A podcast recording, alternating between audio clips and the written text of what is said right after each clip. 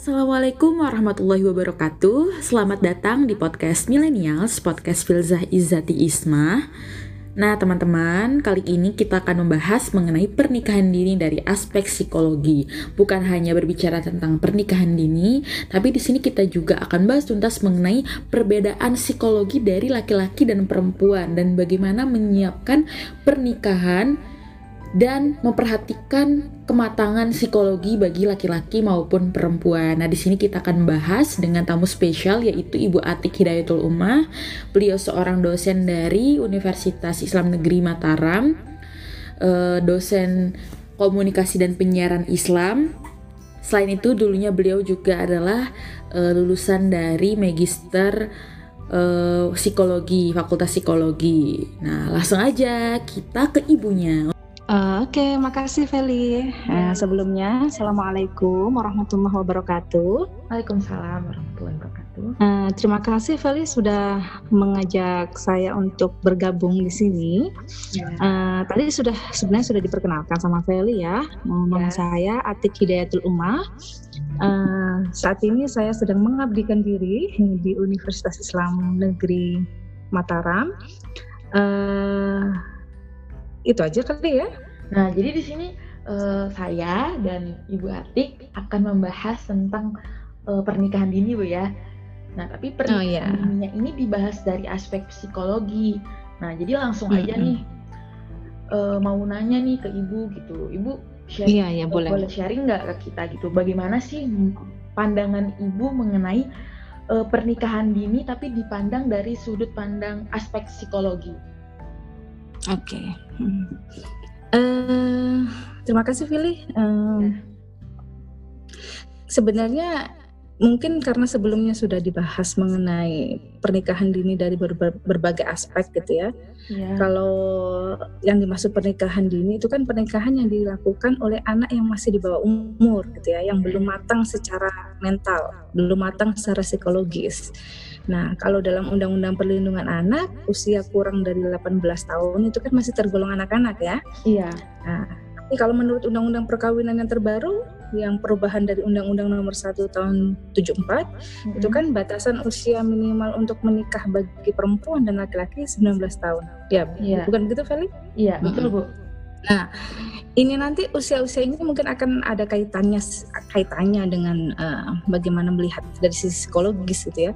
Kalau rekomendasinya BKKBN itu kan pernikahan ideal yakni usia 21 tahun bagi perempuan dan 25 tahun bagi laki-laki. Ya, betul. Nah, pertanyaannya gitu kan, kenapa kok ada patokan usia, kemudian rekomendasi usia tersebut gitu ya?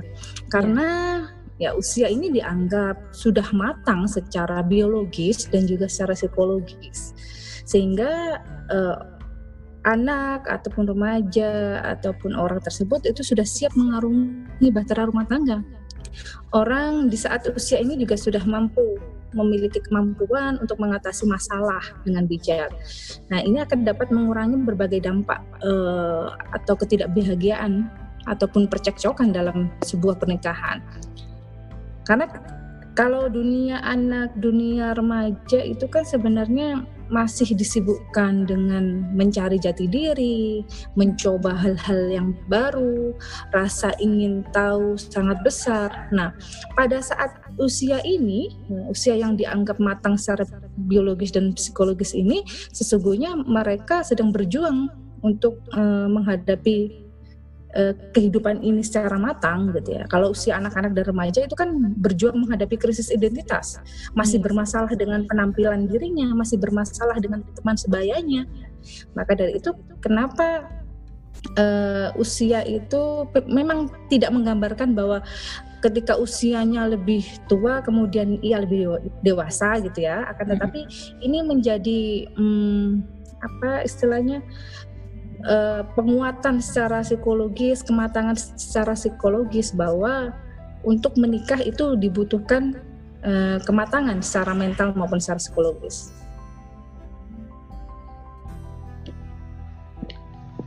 Terus Bu, uh, sebenarnya karena kalau ini kan substansi genre ya Bu, dari substansi genre yeah. itu uh, ada namanya pendewasaan usia perkawinan. Terus uh, aspek yang di salah satu yang diutamakan juga aspek psikologi.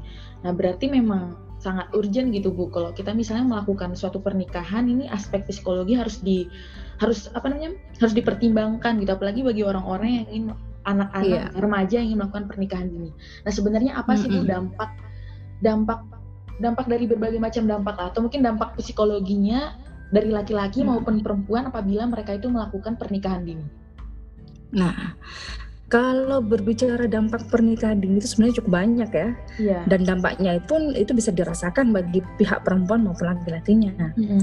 Nah, dampaknya pun saya kira dari berbagai aspek, mulai dari kesehatan dan salah satunya psikologis ini. Walaupun katanya ada sisi positifnya gitu ya, katanya hmm Misalnya solusi untuk menghindari perilaku atau hal-hal yang nggak diinginkan misalnya atau menghindari masuk ke zina. Tapi kalau dilihat-lihat eh, ini juga tidak seimbang dengan lebih banyaknya dampak buruk ya, dampak negatif dari pernikahan ini. Kalau dari psikologis misalnya, uh, pertama pernikahan dini ternyata menurut beberapa penelitian dan pengalaman itu menjadi penyebab tingginya angka perceraian. Nah, kok bisa gitu ya? Iya. Karena dalam sebuah pernikahan itu menuntut adanya peran dan tanggung jawab yang sangat besar, tidak hanya bagi suami, bagi laki-laki, tapi juga bagi istri atau perempuan. Nah, bagaimana kalau anak-anak itu akan bertanggung jawab dalam pernikahan? Wong mereka itu masih anak-anak, ya kan? Iya. Belum matang dalam dewasa, baik fisik maupun mental. Emosinya kan masih labil. Iya. Nah, jika ada masalah, belum bisa juga menyelesaikan itu dengan bijak maka kalau nggak bisa mengontrol masalah itu dengan bijak ya ujung-ujungnya bisa ke perceraian gitu. Kemudian dampak yang kedua eh, bisa menyebabkan kekerasan dalam rumah tangga. Hmm. Loh, kok bisa gitu ya? Sebab karena usia mereka masih sangat muda, itu tadi masih labil, penuh emosi sehingga gampang meledak-ledak gitu ya. Tidak berpikir panjang, secara mental dan spiritual juga belum matang, ya akhirnya kehidupan rumah tangga gampang meledak, hmm. gampang berantem, ujung-ujungnya pakai tangan, akhirnya terjadi kekerasan domestik, gitu ya, kekerasan dalam rumah tangga. Dan saya kira faktanya ini cukup banyak, nah, bahkan ada yang mengalami kekerasan fisik, kekerasan psikis, bahkan kekerasan seksual. Nah ini kan sangat miris gitu ya kalau melihat kejadian ini. Itu sih salah satunya. Oh, Oke, okay, siap. Kasih Bu. Iya. Selanjutnya, uh, kenapa sih Bu sangat penting gitu melihat kematangan psikologis bagi seorang sebelum mengarungi bahtera rumah tangga? Hmm, iya. Nah, ini saya kira memang pertanyaan yang sangat penting gitu ya sebelum iya. melakukan pernikahan ini dipikir-pikir dulu. Karena ya pernikahan itu bukan perkara yang mudah maka semuanya harus disiapkan ya harus disiapkan segalanya termasuk kesiapan mental dan kematangan emosi dan tak kalah penting juga kesiapan secara finansial gitu ya nah di usia-usia kematangan psikologis ya setelah usia 19 sampai 20 tahun ke atas itu kan manusia mem memasuki tahap perkembangan kedewasaan. Nah, di masa ini gitu ya, manusia mempunyai sense of self yakni uh, misalnya mengambil keputusan yang baik dan bijak bagi dirinya itu penting kemudian di usia ini juga dianggap mampu mengelola konflik dalam perbedaan. Misalnya antara harapan dan kenyataan antara dirinya dan orang lain misalnya antara dirinya dan kehidupan. Kalau yang belum matang belum dewasa ya pasti akan menanggapi sebuah perbedaan itu ya dengan menangis gitu ya, atau atau ngambek gitu ya. Iya, nah. Tapi kalau psikologisnya sudah matang ya akan memilih respon yang paling banyak mengandung kebaikan baik untuk dirinya dan orang lain. Coba bayangkan kalau misalnya anak-anak minta sesuatu kemudian nggak nggak bisa digapai, ya pasti nangis gitu kan. Yeah. Kalau anak remaja misalnya pengen sesuatu nggak bisa digapai, ngambek gitu. Nah, makanya usia matang itu penting. Kemudian di usia ini juga mempunyai kematangan emosi dan self control. Misalnya bisa mengatur moodnya dengan baik. Orang itu kadang kalau nggak bisa mengontrol moodnya dengan baik ya efeknya ke mana-mana gitu ya. Jadi moodnya muncul tidak bergantung pada aksi hmm. ataupun uh, reaksi orang lain atau misalnya moodnya tergantung keadaan. Wah, itu bisa bahaya kalau misalnya hidup dalam berumah tangga gitu. Hmm. Nah, ada ada lagi kenapa juga penting melihat kematangan psikologis karena ya orang yang sudah matang secara psikologis itu bisa menerima diri secara sehat dan seimbang, bisa mengetahui kelebihan dan kekurangan diri sendiri maupun kekurangan orang lain atau pasangan dan dianggap akan memiliki visi hidup yang lebih jelas. Itulah kenapa kemudian kematangan psikologis itu penting untuk mengarungi bahtera rumah tangga. Saya kira itu, Firly. Oh iya. E, berarti Bu antara e, antara psikologi dari laki-laki dan perempuan itu sebenarnya dua-duanya harus bertanggung jawab nggak sih Bu? E, apakah yang hanya di titik beratkan hanya kepada laki-laki gitu dia sebagai pemimpin? Oke, okay.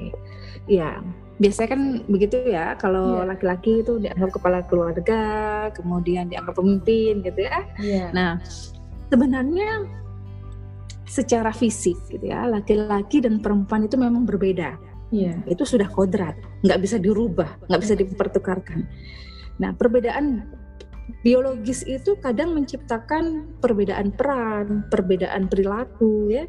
perbedaan yeah. sifat, karakter, emosi dari jenis kelamin tertentu. Misal nih, sifat maskulin kayak apa? Keras ya, Keras.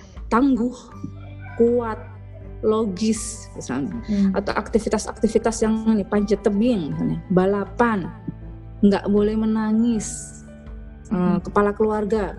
Itu dilabelkan kepada siapa? Kebanyakan. Kebanyakan pada laki-laki. Kepada laki-laki kan? Ya nah, misalnya kalau pada anak-anak biasanya diberi mainan mobil-mobilan robot-robotan pakaiannya warna biru ya itu memang identik laki-laki. Nah ya. lalu sifat-sifat feminin misalnya seperti lemah lembut mm-hmm. keibuan kasih sayang cengeng misalnya ya, mudah menangis mudah merawat Nah, itu diidentikan dengan siapa? Perempuan, Perempuan. ya. Mainannya boneka gitu, pakai baju pink, pekerjaan yang cocok sebagai sekretaris. Nah, itu kan sering kali dilabelkan pada jenis kelamin tertentu. Hmm. Nah, dari dua hal ini bukan berarti nggak bisa dipertukarkan. Artinya ini bisa dipertukarkan kok. Bukan berarti laki-laki itu nggak boleh menangis. Boleh nggak laki-laki itu menangis? Boleh Nah, laki-laki itu boleh lemah lembut dan memberikan kasih sayang? Boleh. Boleh ya. Iya. Nah, dan dan perempuan juga bisakah bersikap logis, berpikir logis, Bisa. tangguh, kuat? Nah, artinya itu label sifat maskulin dan feminin gitu ya, itu hmm. sebenarnya bisa dipertukarkan dan sah-sah saja, apalagi dalam keluarga. Nah, hmm tapi menurut saya gitu ya, hmm. ada beberapa perbedaan di antara laki-laki dan perempuan dari tinjauan psikologis sih gitu ya. Iya. Walaupun ini sebenarnya tidak saklek harus eh, mengalami begitu, tapi hmm. pada umumnya. Pada umumnya. Uh, di usia anak atau remaja itu kan yang pertama perempuan cenderung lebih cepat matang setelah perempuan menstruasi ya sekitar usia 10 sampai 20 12 tahun bisa lebih cepat atau lebih mundur gitu ya. Ya perkembangan psikologis perempuan itu akan lebih cepat. Kemudian kalau sudah begitu lebih tertarik dengan lawan jenis, ingin tampil menarik, sering memperhatikan penampilan. Yeah. Nah, di usia ini kadang anak laki-laki itu belum mimpi basah, maka terlihat polos dan nggak ngerti apa-apa soal itu ya.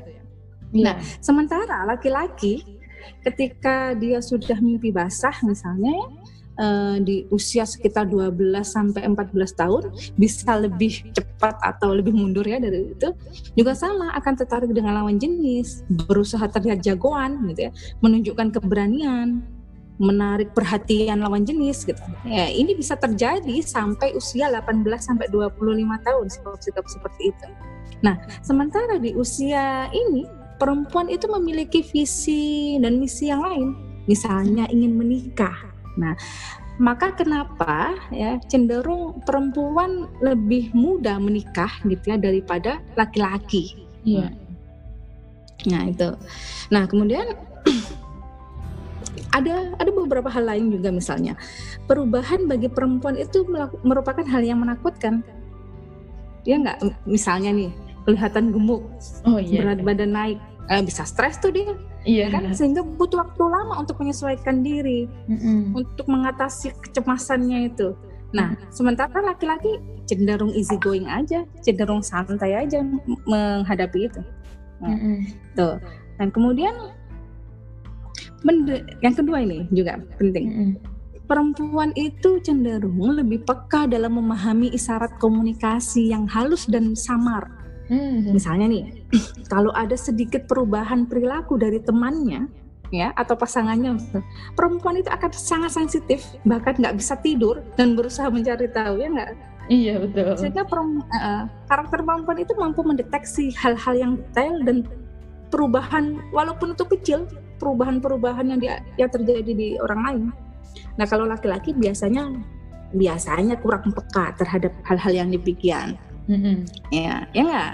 iya betul Nah apalagi ya perbedaannya, ah ini perempuan itu ketika menghadapi masalah gitu ya, itu ya harus membicarakannya. Misalnya curhat sama temen, Mm-mm. walaupun nggak ada solusi dari temen, tapi biasanya akan eh udah puas dan merasa masalahnya berkurang, ya nggak? iya Nah, iya, curhat sama Mhm. teman, ya itu biasanya yang dilakukan perempuan. Tapi kalau laki-laki itu cenderung ya ingin segera mencari jalan keluar sendiri, nggak usah curhat, gitu, gitu. Mhm. Nah, untuk untuk ekspresi emosi sendiri misalnya, perempuan itu akan lebih ekspresif menunjukkan emosi sedih dan kecewa, ya, misalnya dengan menangis. Nah, kalau laki-laki itu lebih ekspresif dalam mengungkapkan kemarahannya. Kalau marah dia nampak ekspresif, misalnya dengan memukul meja, menggedor pintu. Nah, Mm-mm. itu perbedaan juga. iya Nah, ini mungkin yang juga dialami beberapa perempuan, ya, lebih suka menggunakan perkataan tidak langsung, ya nggak? Iya. Indirect speech, misalnya. misalnya ya, iya. ingin mengajak jalan-jalan atau ingin mau apa gitu ya pasti bilangnya muter-muter dulu panjang lebar dulu nyindir-nyindir dulu ya sampai-sampai ya laki-laki itu nggak paham apa maksudnya ya enggak nah betul. kalau kalau laki-laki ya cenderung langsung aja pengen apa ya udah to the point disampaikan ya gitu. Ya itu saya kira juga ini mm, menjadi eh, perbedaan-perbedaan secara psikologis gitu ya antara laki-laki dan perempuan. Nah kaitannya dengan kehidupan berumah tangga gitu ya. Iya. ini perbedaan yang dimiliki oleh laki-laki dan perempuan ini terutama dari aspek psikologis yang saya jelaskan tadi ini penting dipahami dalam rangka untuk membangun hubungan yang lebih harmonis. Kalau tidak saling mengerti antar pasangan ya antar laki-laki dan perempuan itu ya akan menimbulkan permasalahan. Sebenarnya memahami orang lain itu ya menjadi kunci penting dalam sebuah hubungan ya Iya. karena pernikahan itu kan menikahkan dua orang, dua Iya. karakter, dua karakter dua budaya gitu ya. Bahkan menikahkan eh, karakter budaya dari keluarga besar. Jadi saya kira memahami bagaimana perbedaan dari segala sisi termasuk dari dari segi psikologis itu penting bagi setiap pasangan gitu. Itu Fairy. Oke Bu, wah bermanfaat banget.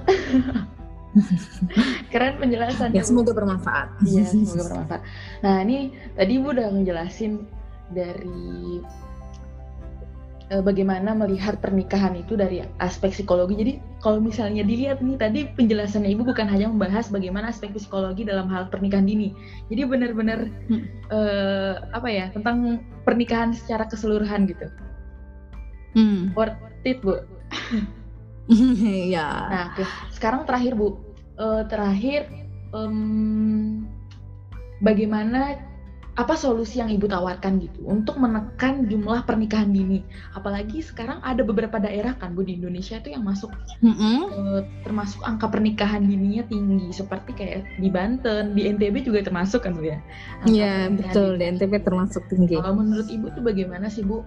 Soalnya kalau saya lihat juga Bu pernikahan dini ini mengakibatkan juga perceraian dini juga gitu.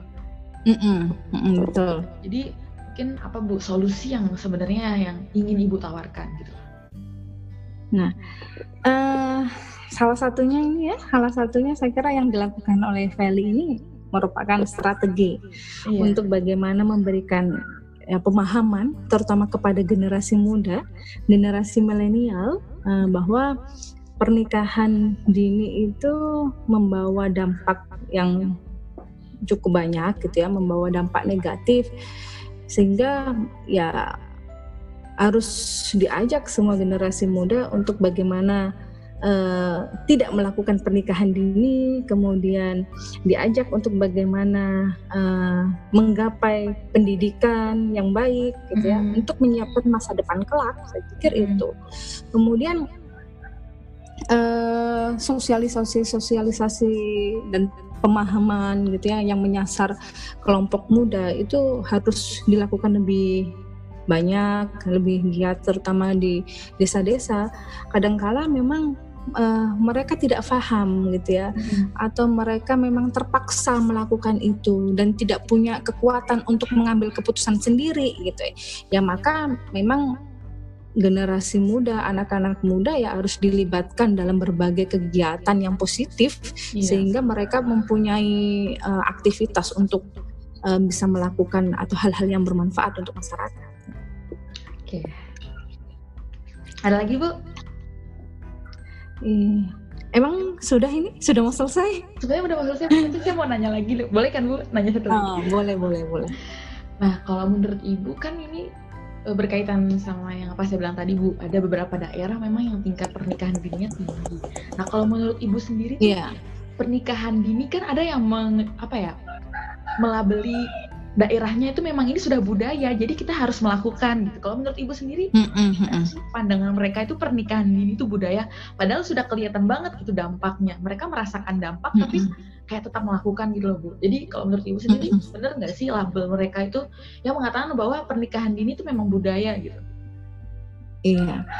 Uh, dikatakan budaya itu kan karena memang sudah dilakukan iya, berkali-kali berulang-ulang dan diyakini oleh yeah. masyarakat setempat bahwa itu adalah benar gitu ya. Mm-hmm. Sehingga memang uh, memahamkan kepada orang tua gitu ya hmm. atau memahamkan kepada uh, istilahnya tokoh adat ataupun tokoh masyarakat di daerah tersebut itu juga penting gitu karena barangkali gitu ya barangkali mereka meyakini dengan pernikahan dini gitu ya tidak terjadi apa-apa tuh gitu ya iya. langgeng-langgeng aja apalagi kalau flashback kepada orang tua orang tua zaman dulu gitu ya hmm. katanya di eh, orang tuaku dinikahkan di usia muda tapi buktinya langgeng sampai saat ini nggak ada perceraian nggak ada kekerasan misalnya yeah. nah memang harus disampaikan bahwa ya dunia dulu dengan dunia saat ini berbeda gitu ya tantangan kehidupan saat ini itu lebih